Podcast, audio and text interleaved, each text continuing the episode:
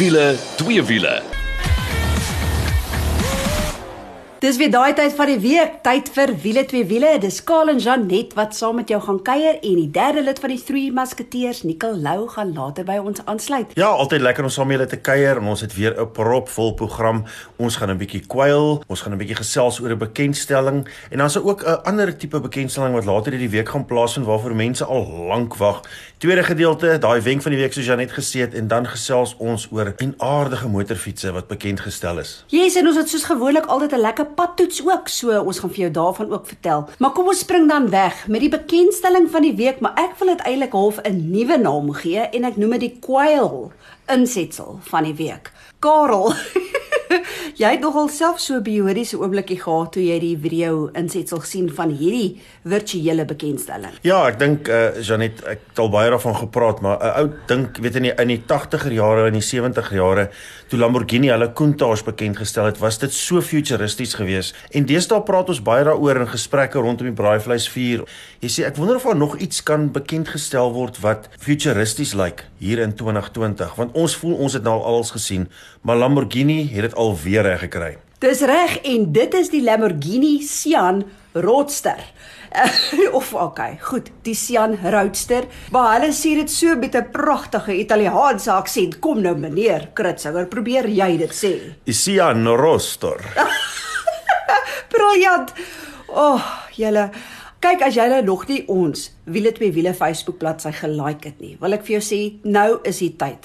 Want jy gaan verseker kwyl. Dis die mooiste futuristiese kar veral van agteraf. Dis die mooiste agterkant wat ek nog ooit op 'n voertuig gesien het. Ja, is net dit lyk tipies soos 'n ruimtetuig met wiele aan en uh, ek wil net vir Lamborghini sê baie geluk, julle het alweer reg gekry. Die groot ding hier is is slegte nuus, almal is klaar verkoop, maar daar's net 'n beperkte hoeveelheid wat gemaak word. 19, kan jy glo, maar jy kan letterlik daai 19 kies. Kleure, binneruim, alles, selfs die stiksels kon jy gekies het soos wat jy dit wou gehad het.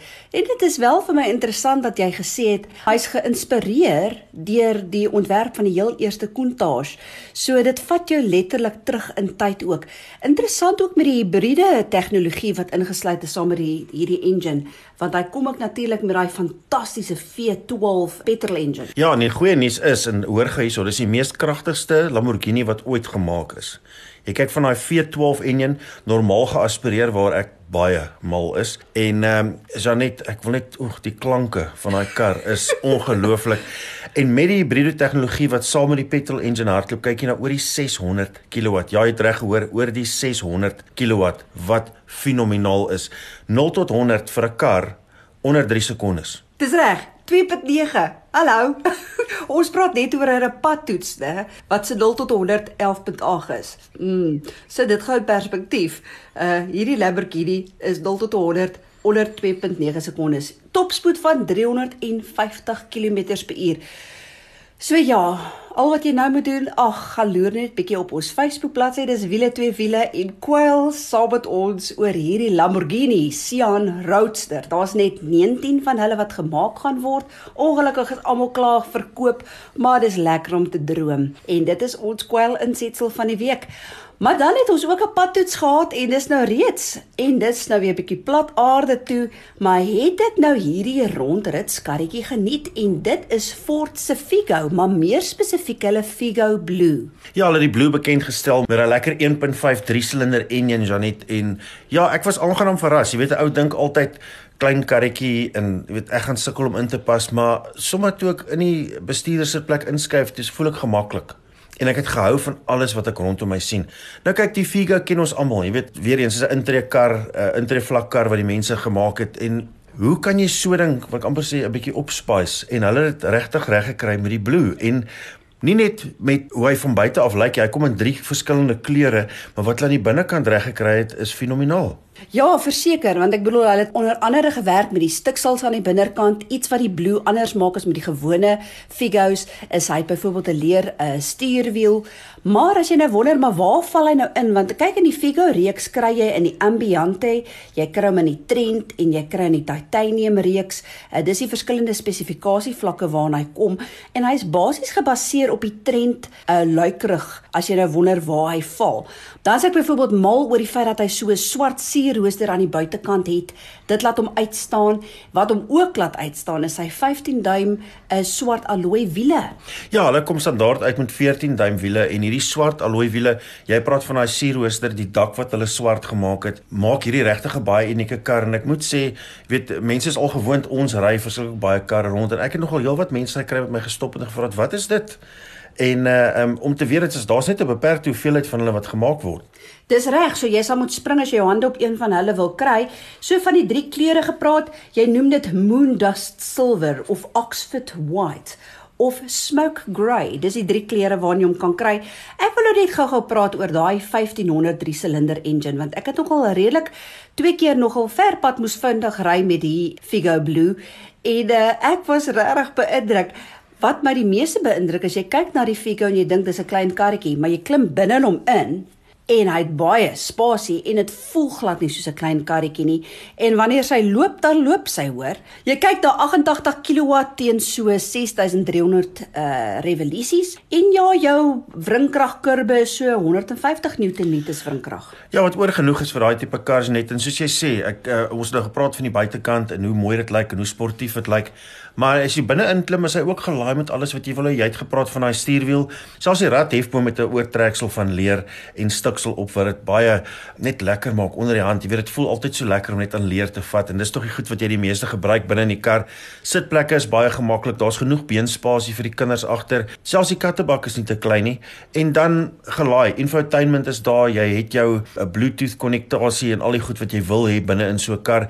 Ek het baie maklik my foon gepair met die stelsel wat vir my altyd lekker is. Party van die karre klim jy in en jy het omtrent 'n graad nodig om dit reg te kry. So dis een van daai karre wat jy net inspring, werk toe mee ry. Jy kan met vakansie gaan as jy wil. Hy is groot genoeg soos jy sê, hy daai lekker enjintjie so al laai hom 'n bietjie, gaan hy nie weet traag wees op die lang pad nie en uh um goeie brandstofverbruik.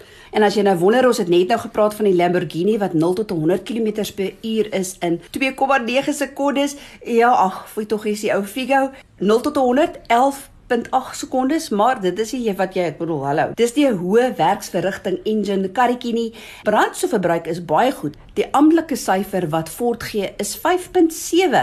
Ons het nie daai syfers gekry nie want ek was nog wel redelik haastig, maar dis Ja, ek dink dis die groot rede jy het hom die meeste gery. So die uh, brandstofverbruik wat hulle sê jy uit hierdie voertuig uit kan kry is definitief nooit wat uh, mevrou Kritzinger kry. Ach, dit kan ja. ek vir jou sê. Maar ja, all in all is net baie lekker kar. Ek dink Ford het baie interessante en baie goeie aanbiedinge of dit nou kom van bakkies af na hulle Mustang en uh, selfs hierdie tipe karre. So hulle bly een van die leiers en ek ek hou van die varsheid daarvan. Ek weet daar's heeltyd iets wat gebeur by Ford. En ons weet nou onlangs het hulle ook mos die Ford Figo Freestyle bekend gestel. Ek kan nie wag om my hande op hom te kry nie. Sy grondvrye hoogte is mos nou klein bietjie hoër ook. Maar kom ons kyk gou na die pryse. As jy wonder nou Ford Figo, hulle begin by 208400. Hulle hardloop reg deur tot en met jou Ford Figo Freestyle en dis nou die titanium waarvoor jy gaan betaal 255 100 so daar's 'n hele reeks van Ford Figos waarvan jy kan kies.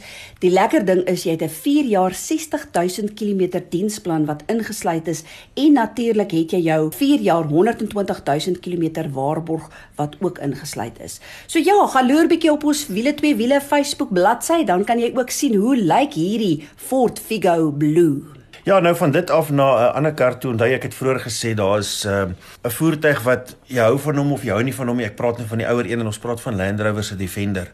En dit is 'n kar Janet wat al in die rond is van voor ons gebore was. Jy weet daai ikoniese vorm en baie mense het gesê toe hulle hom besluit om hom op te hou maak in daai vorm. Nee wat doen julle? Wat maak julle? En toe by die wêreldbeker wat ons natuurlik gewen het vir die ja, mense ja. wat uh, vergeet het dalk in Japan laas jaar het uh, Richie McCaw van die All Blacks die William Webb Ellis beker op die veld gebring met een van hierdie Land Rover Defenders. En nou is dit tyd vir 'n virtuele bekendstelling hierdie week Dis reg, hierdie week julle, ons het lank daarvoor gewag. Hierdie week is die bekendstelling van Land Rover se nuwe Defender en jy kan dit bywoon en dit gebeur donderdag die 16de Julie en lus 4uur die middag. En dis so maklik soos besoek Land Rover Suid-Afrika se YouTube kanaal. Nou as jy hierdie luister en jy dink, "Ag oh, man, ek het dit gemis." Moenie stres nie. Ons gaan in elk geval volgende week vir jou al die nuus vertel, maar wat hierdie bekendstelling onder andere behels, dis 110 minute wat hulle vir ons letterlik gaan deurvat deur die geskiedenis, ag, die ontwerp en vir my die lekker ding is onder andere gassprekers. Hm, hè? Ja, as jy net uh, Brian Abanna gaan na wees om net 'n uh, paar te noem, jy weet, ek gaan net so raak raak en dan natuurlik die oom met die groot baard. Kingsley Hallgate, die oom met die groot baard gaan wees hy en sy seun en 'n bietjie gesels want hulle het al 'n stuk of 15 defenders in hulle lewe besit. Dis nou al hier van die 70s af. Dit sal interessant wees om te hoor hoe hy hierdie nuwe defender ervaar want ek weet nie of jy hom al onder oog gehad het ordentlik om te kyk nie, maar ehm um, dis hopelik nie 'n soft rider nie soos ek Land Rover ken definitief nie, maar ek dink daar is 'n groot aanhang vir hierdie kar al klaar en die afwagting was so groot dat dit gaan iets spesiaals wees. Dit gaan iets spesiaals wees. Kyk, ek het daarmee soos wat die Engelsman sal sê 'n soft spot vir daai oom. Dis Kingsley en sy seun is Ross Hallgate. Ek het die geleentheid al gehad om hulle twee te ontmoet en dit is soos jy sê en hulle gaan ook vir ons bietjie vertel wat hulle dink van die Defender wat hulle het hom al bietjie onderhande gehad. So ek sien baie uit om te hoor wat hulle sê. So, Jy kan nie die virtuele bekendstelling mis nie. Dit is Donderdag die 16de Julie en dit is 4:00 in die middag en besoek net Land Rover Suid-Afrika se YouTube kanaal en weet jy wat, as jy dit lewendig bywoon, staan jy 'n kans om selfs pryse te wen, onder andere hierdie eense Defender te ondervind. So, en as jy dit gemis het, soos ek weer eens sê, moenie stres nie. Ons gaan wel volgende week vir jou al daai nuus vertel. Maar dan heeltemal op iets anders wat mos na aan my hart is, skaal motorsport aksie. Ja, ons weet laas jaar het die 9 uur teruggekom Suid-Afrika toe na oor die 20 jaar wat dit nie was nie. Janet en dit was 'n groot sukses geweest. Op die nippertjie het Porsche toe ook gewen. Almal weet hoe lief ons vir Porsche is en uh, ja, ek het nou gewonder nou met hierdie hele COVID storie en alles wat die hele tyd verander. Jy praat van 'n liggie aan die einde van die tonnel. Dink is wat jy het genoem het gaan daai resies nog hierdie jaar plaasvind. Dis reg, ons praat natuurlik van die Intercontinental GT Challenge en soos Kaal gesê dit was vir 22 jaar het ons nie die Kyalami 9 uur gehad nie. Ek was laas jaar het ek die voorreg gehad om by die Kyalami 9 uur te wees. Dit was fenomenaal, fantasties. Die goeie nuus Dit gaan nog plaasvind. Dit word net bietjie uitgeskuif. So jy kan jou datum maar oop hou, hoor. Daai naweek van 10 tot 12 Desember gaan dit wel plaasvind en dit is die goeie nuus wat ons graag met jou wil deel. Daar's nog steeds 4 renne as deel van die reeks. Die eerste een was natuurlik klaar. Die tweede een gaan wees die Indianapolis 8 Hour wat in Noord-Amerika is en dit gaan in Oktober plaasvind. Dan is daar nog steeds die Total 24 Hours of Spa en hulle mik om dit te hê einde Oktober. Dis van die 22ste tot die 25ste Oktober en dan maak die seisoen klaar by Kyalami en dit is dan 10 tot 12 Desember. So ja, ag, dit skep sommer vir my 'n bietjie weer moed en lig aan die einde van die tonnel om te weet dat die Kylabi 9 uur is nog op die kalender te midde van al hierdie COVID-19 krisisse wat ons beleef. Ja, dit sou baie lekker wees om weer daai karre te hoor en te sien en uh, te weet hierdie internasionale talent is in Suid-Afrika, Janet. So, uh, miskien maar 'n roadtripie beplan as jy nie naby aan Kylabi is nie. Daar's niks meer verkeerd om 'n paar pelle in 'n kar te laai en hier op te sleep Johannesburg toe nie. Ek stem. Maar hoor jy ons gaan nou eers bietjie asem skep, maar dan wil ek jou regtig aanmoedig as jy nou wonder oor uitlaatstelsels en vra het rondom dit. Kaal en Nikkel gaan bietjie daaroor gesels en dan gesels hulle vir twee wiele oor uitaardige motorfietsse. Maar ons is nou weer terug. As jy nou net ingeskakel het, dis wiele twee wiele saam met Kaal en Janet en Nikkel Lou gaan nou saam met ons aansluit. Maar ja, dis nou tyd vir die wenk van die week en dan ook vir twee wiele, maar vir die wenk van die week gesels ons oor uitlaatstelsels. Ja nee, ons gaan uitlaatstelsels gesels en die wenk van die week word aan jou gebring deur Powerflow Belwel, spesialis in vlekvrye staal uitlaatstelsels. Of jy nou krag wil hê of net jou standaard een wil vervang, net dit is die plek om te wees. Met oor die 20 jaar se ondervinding is daar net een plek en dit is Powerflow Belwel. En dit is vir my altyd so goed om te sê dat weet jy of jy nou jou kar wil laat fluister of wil laat brul. Powerflow Belwel is die plek vir jou. So as jy meer van uitlaatstelsels wil weet of sommer net 'n vraag wil vra, gaan na www.powerflowbelwel.co.za en uh, gaan vra gerus jou vraag. Maar Kaal, kom, ek wil nou eers hoor wat sê jy en Nikkel. En nou is dit tyd vir my en Nicole om met jou te gesels oor die wenk van die week en dan sommer so 'n bietjie interessante tweewiele goed. Hallo Nicole. Hallo Karl. Sê vir my man, ehm um, uitlaatstelsels, dis mos nou 'n ding waarmee ek elke dag werk, maar jy het 'n baie interessante ding wat jy wil bietjie oor gesels en dit gaan oor grootte en back pressure en al daai groot woorde wat ek op 'n daaglikse basis hoor. Karl, maar wat is back pressure in Afrikaans? Ek het nie 'n idee nie. Terugdruk. Man, ek is seker Nicole, jy gaan vir ons 'n bietjie meer vertel want 'n uh, um, 'n uitlaatstelsel is nie sommer net iets wat 'n uh, 'n kar stilhou nie. Daar's 'n rede hoekom 'n uitlaatstelsel 'n sekere grootte pyp gebruik.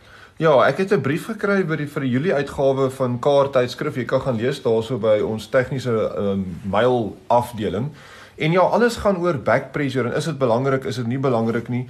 En vir alles wat kom by natuurlik hierdie naturally aspirated engines. Kom ons gee net gou 'n bietjie agtergrond. So natuurlik jou druk in jou silinder tydens ontbranding is verskriklik hoog en as die seier dan nou afgaan en die uitlaatklep maak oop, dan is daai druk baie hoog en jy wil al daai verbrande uitlaatgasse wil jy so effektief uit die enjin uitkry agteruit.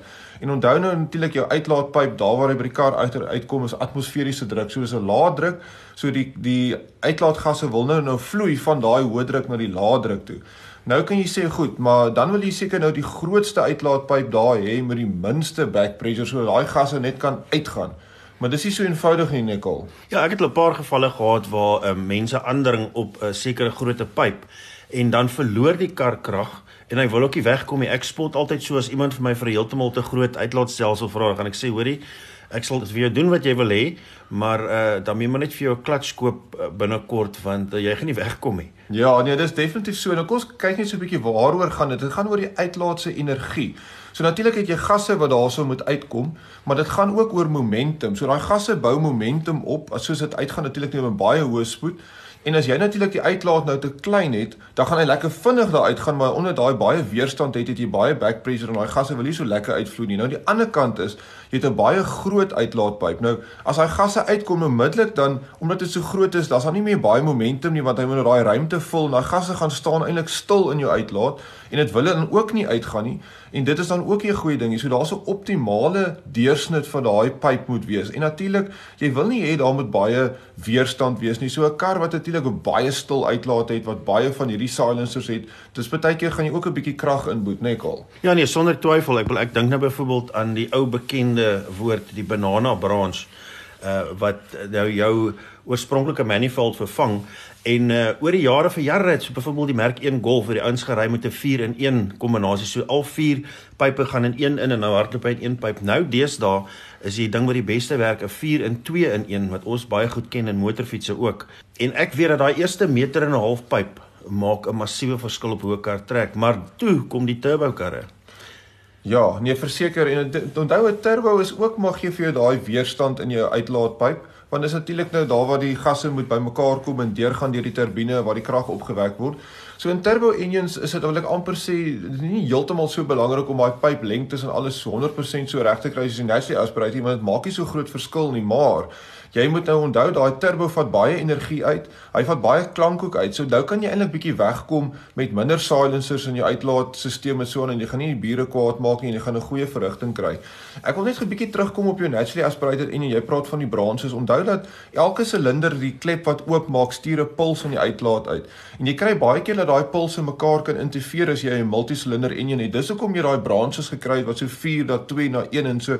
Daai pyp is ook 'n perfekte lengte dat daai pulse nie by mekaar kan uitkom en mekaar kan interfereer nie. Maar wat jy ook gebruik is daai energie wat uitgaan. Jy praat van valve overlap op 'n naturally aspirated engine. So jy gebruik daai energie wat uit die uitlaat uitgaan om eintlik van daai vars mengsel by die inlaatklep ook in te suig as daai kleppe vir 'n split sekonde op dieselfde tyd oop is.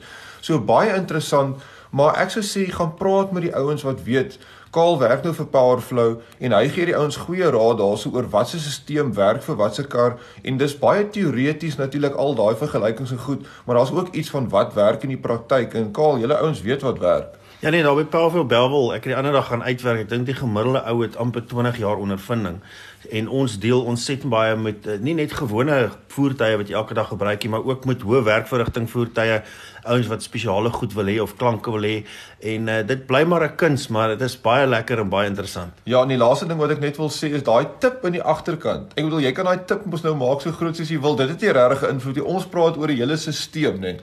Ja nee, definitief. Die ouens sê altyd hy wil 'n tip opsit vir geraas en dan sê ek vir hom dit werk nie so nie. Daai is net vir die mooiheid. So as jy 'n uh, um, 'n powerflow opsit sonder 'n tip, weet jy jy het 'n powerflow op en uh, as jy die tip bysit, dan weet almal jy het een. Maar nou eers twee wiele en Nicole, jy het gesê jy het 'n paar interessante motorfietsse waaroor jy wil praat wat miskien nie almal van weet nie. Ja, as ons kyk bietjie, daar's nou min bekendstellings met hierdie ou virusie wat ons nou so plan. So kom ons kyk bietjie na interessante motorfietsse van die verlede en ek gaan nie so lank terug gaan nie. Ek wil sommer hier van die jaar 2000 af dan word almal hulle te ken en die eerste een wat ek oor wil praat BMW C1 skooter. Kaal, die eerste skooter met 'n dak of een van die skooters met 'n dak is daar nog, ek weet nie.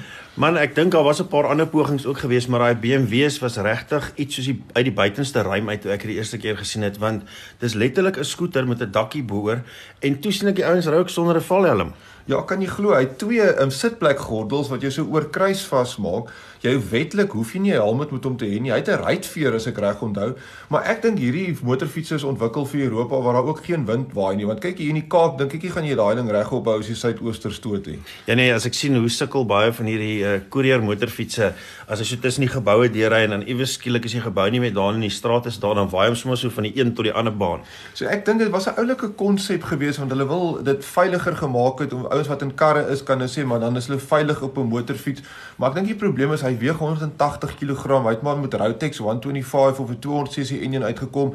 Hy het maar baie stadig gewees en dan natuurlik nou lomp omdat hy so swaar is. So nee eintlik baie aftrek gekry en die pryse het ook teen hom getel. Nikkel ons het die ander dag uh wel ander dag 'n jaar of twee terug gedraai gemaak by iemand en toe staan daar 'n motorfiets wat ek nie eens geweet het bestaan nie wat vir my 'n groot sonde is want ek is lief vir my motorfietsse en dit is Suzuki se RE5 en uh, ek het gesien die enjin lyk so 'n bietjie snaaks en die rede daarvoor is Ja, rotary. Kan jy glo, 'n wankel engine in 'n motorfiets. 1974 gaan Google hom Suzuki se RE5. Hy het 'n rotary engine gehad, 46 kW, maar die baie 230 kg gewees. Mense gedink dit moet 'n wankel engine, die ding moet lig wees, maar as jy hom hoor loop, dis die interessantste geluid om uit 'n motorfiets uit te hoor, ek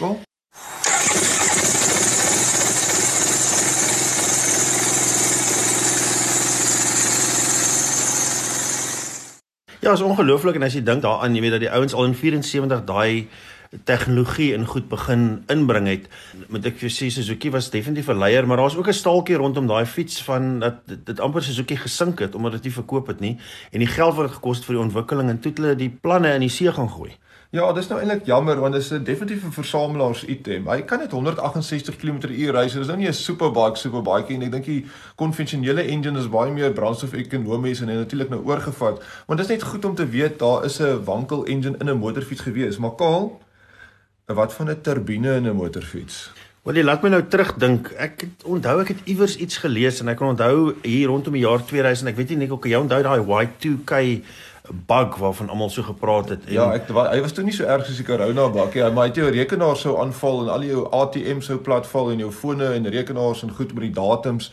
Y2K, maar daar was 'n maatskappy MTT wat 'n Y2K motorfiets uitgebring het in daai jare en hy het 'n Rolls-Royce turbine engine van 'n helikopter wat hy daarin het. Daai engine kan opspin tot 52000 rpm en hulle het gesê daai motorfiets het uh, in daai tyd het hy gekos 250000 dollars, nê? Nee? En hy kon doen 250 myl uur. So jy het 'n 1000 dollar per myl per uur betaal, maar dis 400 km/h uit 'n twee-spoed radkas.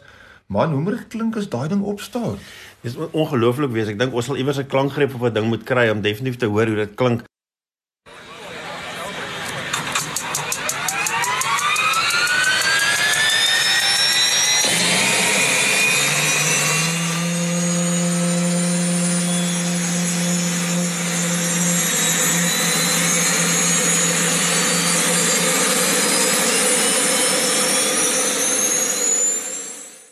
Drie uiteenlopende motorfietsse wat net uh, uit 'n ander wêreld uitkom. Het ons nou begin by die skooter, toe praat ons van 'n rotary en nou hierdie een met 'n turbine in. Ek weet daar's nog baie ander snaakses en ek wil vir die luisteraars sê, julle moet dit saam met ons deel as jy weet van 'n snaakse motorfiets of miskien het jy al een gehad en vir ons uh, sommer op Facebook kontak sodat ons bietjie daaroor kan gesels. Ja, en net laastens oor daai turbine motorfiets, hy 240 kW gemaak. Jy kan hom geloop het op diesel, kerosien, jet fuel en hulle het gesê selfs op goeie tequila sal hy loop. nou toe nou, uh dis nou lekker nê, nee, jy kan met hom deur Afrika gaan of miskien nie en enigiets wat jy in die hande kan kry sal hom maak loop. Maar Nicole, altyd lekker om saam met jou te kuier. Dis 'n lekker propvol program gewees. Tot volgende week. Hou daai wiele aan die rol.